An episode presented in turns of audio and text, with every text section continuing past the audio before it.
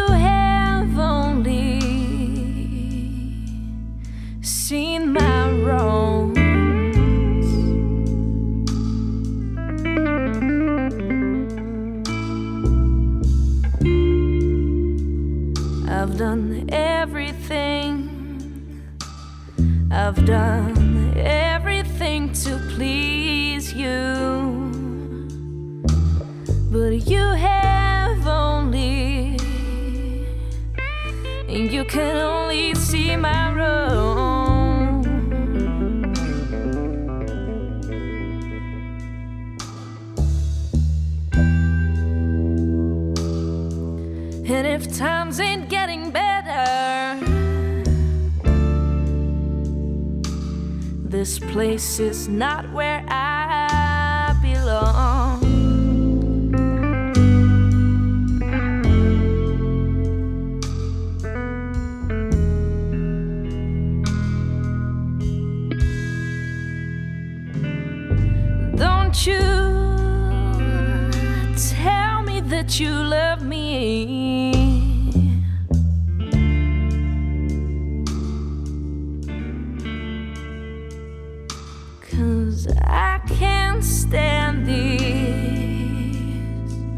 lies no more.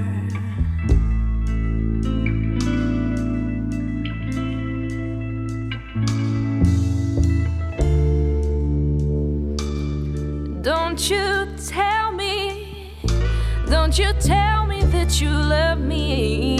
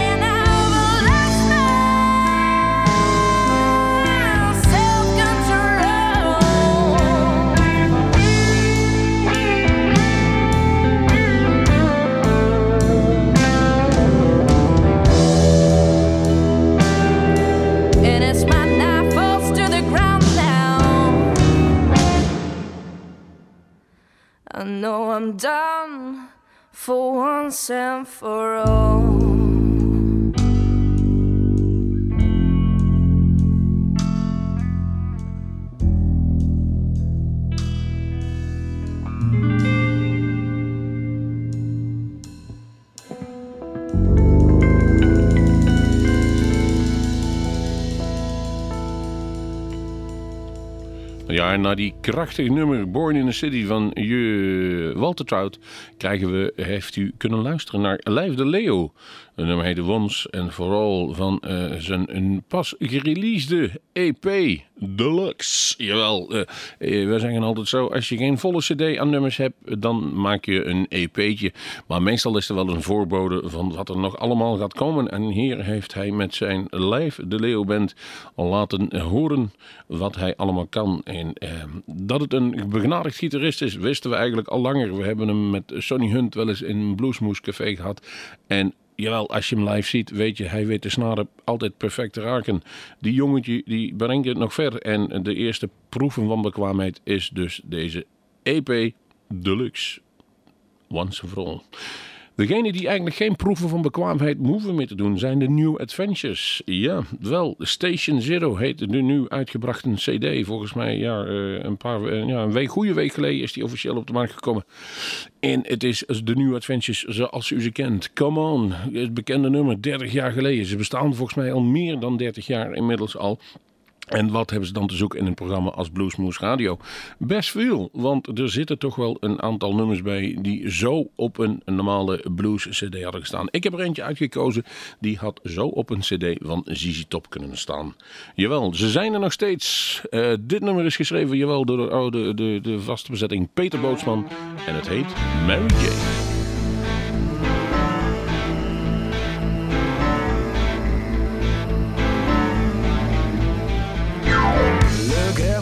And see the time's right?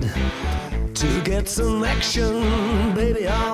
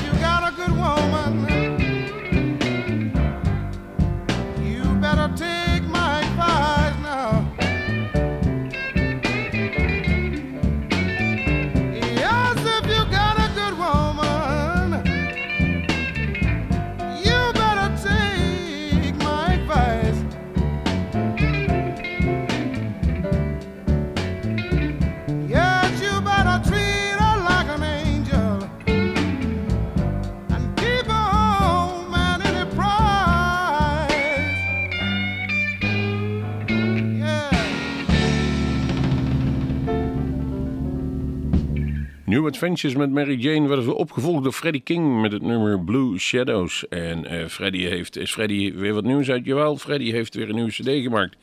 Althans, waarschijnlijk een platenfirma. Er is weer wat uitgekomen. Deluxe edition van Freddie King is a Bluesmaster. Voor degenen die Freddie niet kennen, kunnen deze dus aanschaffen. Uh, vervolgens weer een nieuwtje. Electric Blue. En hier is een zangeres die het de boventoon voert van de cd Born in Sin. Uitgekomen nu is het prachtige, prachtige The Wizard.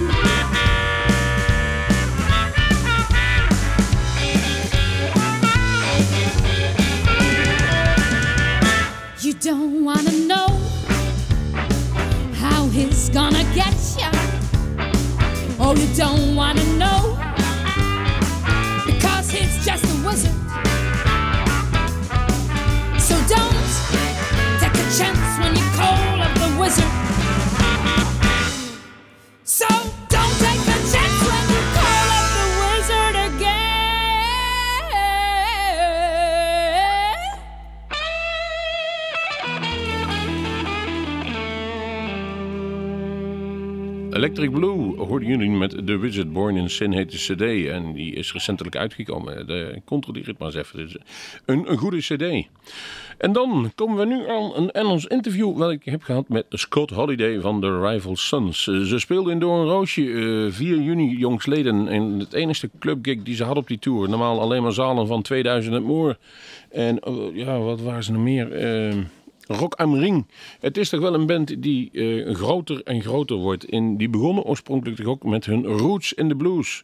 Uh, vooral de blues rock, om het zo maar te zeggen. Een, zanger met de, kracht van Robert Plant Black Rose en eh, ja, Led Zeppelin. Ze zeggen, het, eh, ze zeggen het zelf ook. eh, ik noem het gewoon de 70 jaren rock zoals wij ze kennen van Led Zeppelin. En eigenlijk ook gek op zijn, maar dan in een 21ste eeuw knapperig jasje gegoten.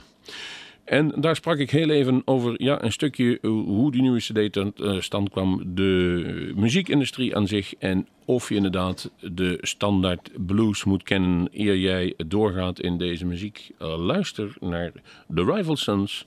En eh, in ieder geval, ik er ook af en toe tussen. We beginnen in ieder geval met een nummer van hun Open My Eyes van de onlangs uitgekomen CD Great Western Valkyrie.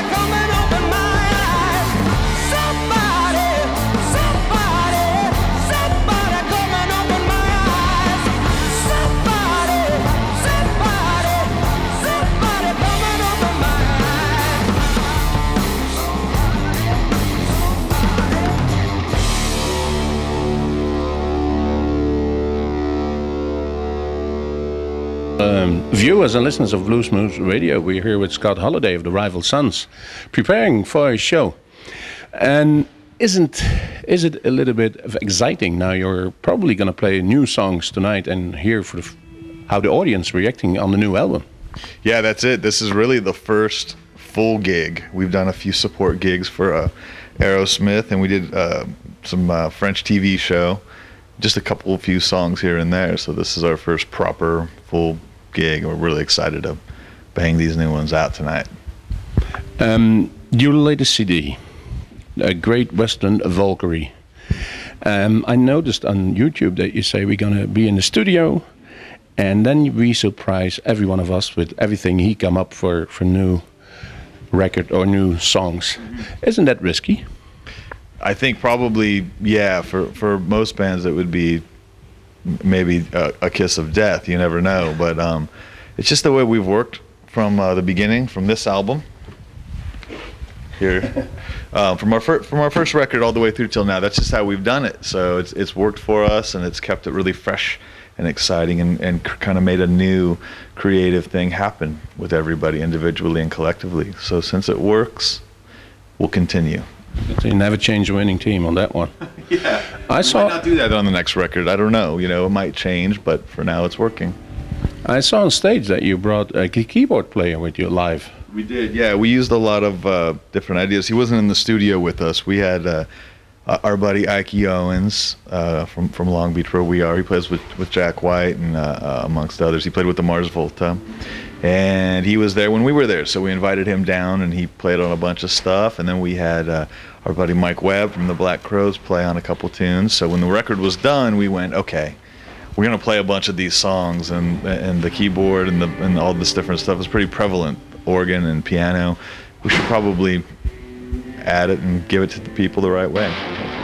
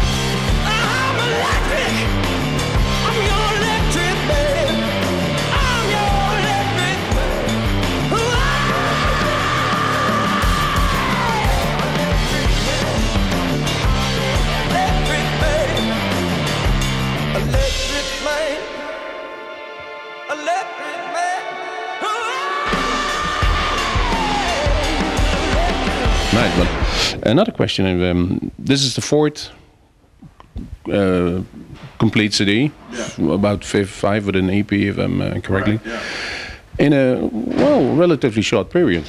How you cope with the success you got?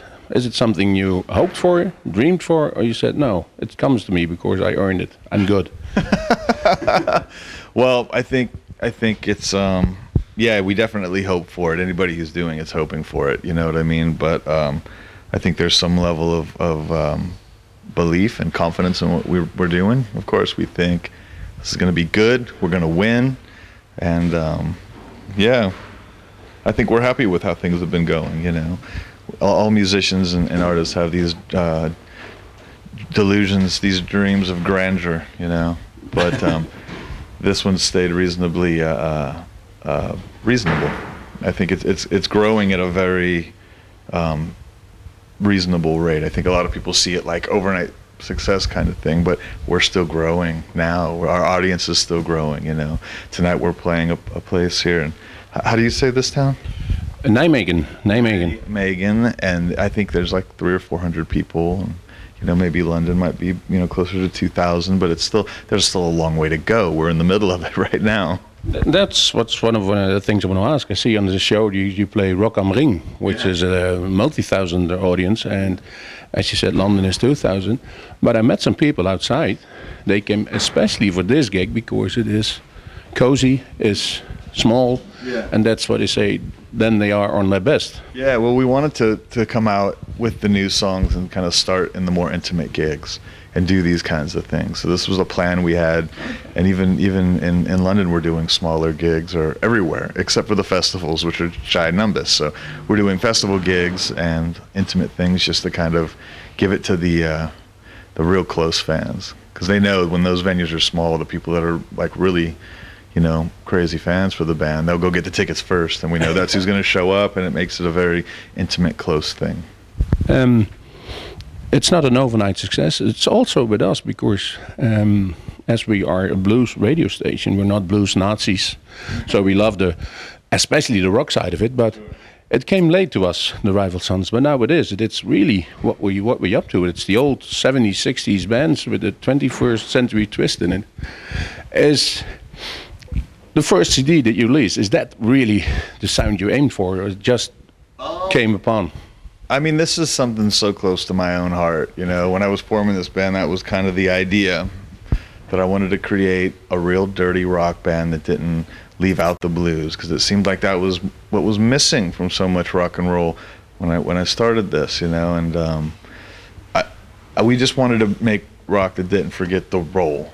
So yeah, we Yeah. we obviously reached back to a time that that it was obviously in there. You know, you go back to, you know, the Stones and you know the Faces and and before that the Yardbirds or even the Animals and these kinds of acts, the Kinks even like you know you go back to this stuff and it's not that we want to uh, emulate these artists, but that was really the last great m- bullet point, I agree. marking point, the flag post where the the roll was in the rock. There was soul inside of it, you know. So I think that made our sound be very akin.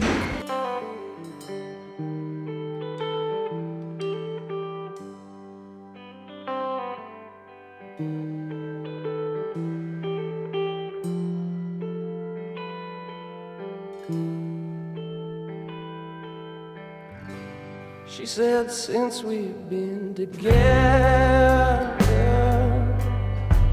I tried not to keep secrets. I was so lost then. I don't like to talk about it. See, I needed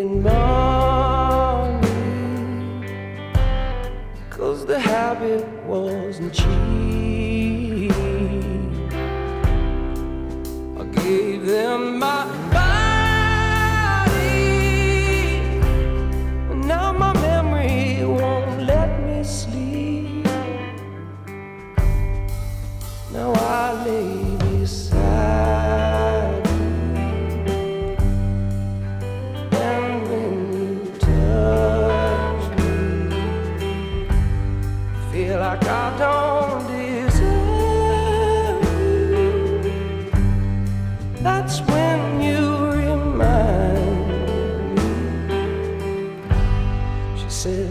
그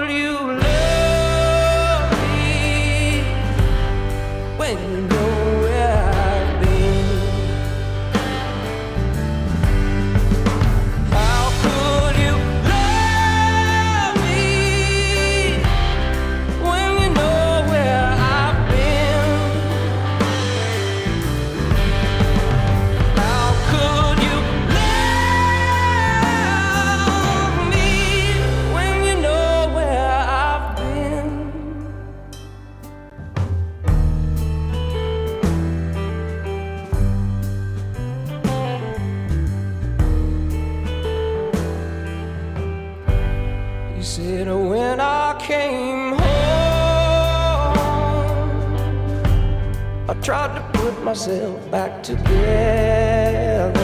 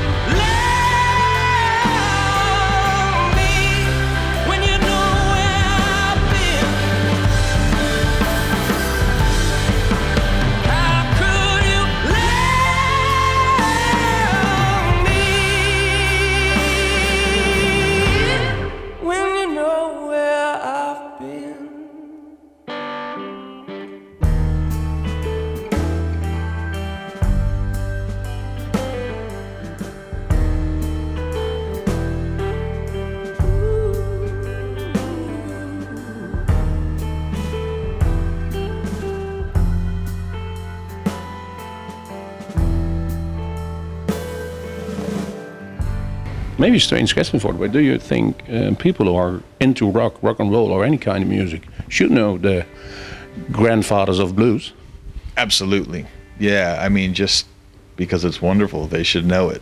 I think if you are a big fan of rock and roll, you're gonna completely understand why some of those rock bands, wh- why you have a Cream and why you have, you know, a Sabbath and why you have a Led Zeppelin. You're gonna understand if you go back and listen to people like Muddy Waters and Booker White and you know Skip James and all these people. You're gonna go, oh my God, they're just doing that, but they're doing it this way. You know, they're just doing some Muddy with the fuzz guitar. I can't believe it. It's wonderful that that heritage should be. Uh, uh, should be reviewed. It should be looked at. And it should be enjoyed. Hundred percent. To give an example, we last last uh, yesterday we had an, uh, recordings with a blues artist from Australia, and he played Black Betty from Ram Jam, Yeah, love it. and he didn't know it was from Lead Belly originally. Yeah. Anybody who's playing it not knowing, He didn't know. he should go back and listen to Lead Belly because there's a whole bunch there. Listen to some Charlie Patton. Listen to some Lead Belly. Absolutely. Back to uh, Rival Sons. Um, it seems to me that you got it all figured out. You got a good PR company, you got a record company, you do the stuff you like. You're you're bothering, you're just buttering about the music, not so much about the stuff. I mean, you still feel relaxed because there's a situation now where the music industry is a little bit declining, and the bands are all doing themselves mostly. Sure. Yeah, I mean, we all, anybody that does a band these days, you have to have a little bit of uh, business sense to it, because that's what we are. We're, you know, it's it's a weird thing. Nobody gets into to rock and roll and, and to be in a band on tour to be a businessman. That's kind of the opposite of why we're doing it. But the truth is, it's a business. It's called the record business. So if you don't treat it as so, you only get one thing if you if you don't pay attention. You get taken. That's Yeah. it. And it's it's it's a bummer because too many people have. If you even go back to somebody like Jimi Hendrix, that guy got really taken. It's terrible, you know, how many bootlegs and bad contracts did he sign? A lot, you know, and, and a lot of artists have since then. And um, we're lucky to have a great team.